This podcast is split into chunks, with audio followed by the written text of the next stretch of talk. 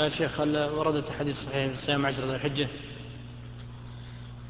صيام عشر ذي الحجة من الأعمال الصالحة ولا شك.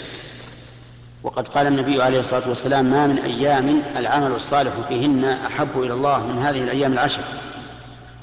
قالوا يا رسول الله ولا الجهاد في سبيل الله؟ قال ولا الجهاد في سبيل الله إلا رجل خرج بنفسه وماله فلم يرجع من ذلك بشيء.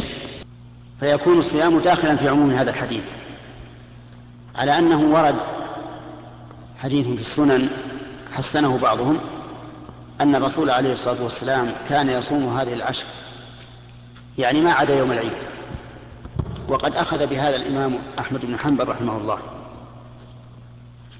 وهو الصحيح أن صيامها سنة. نعم.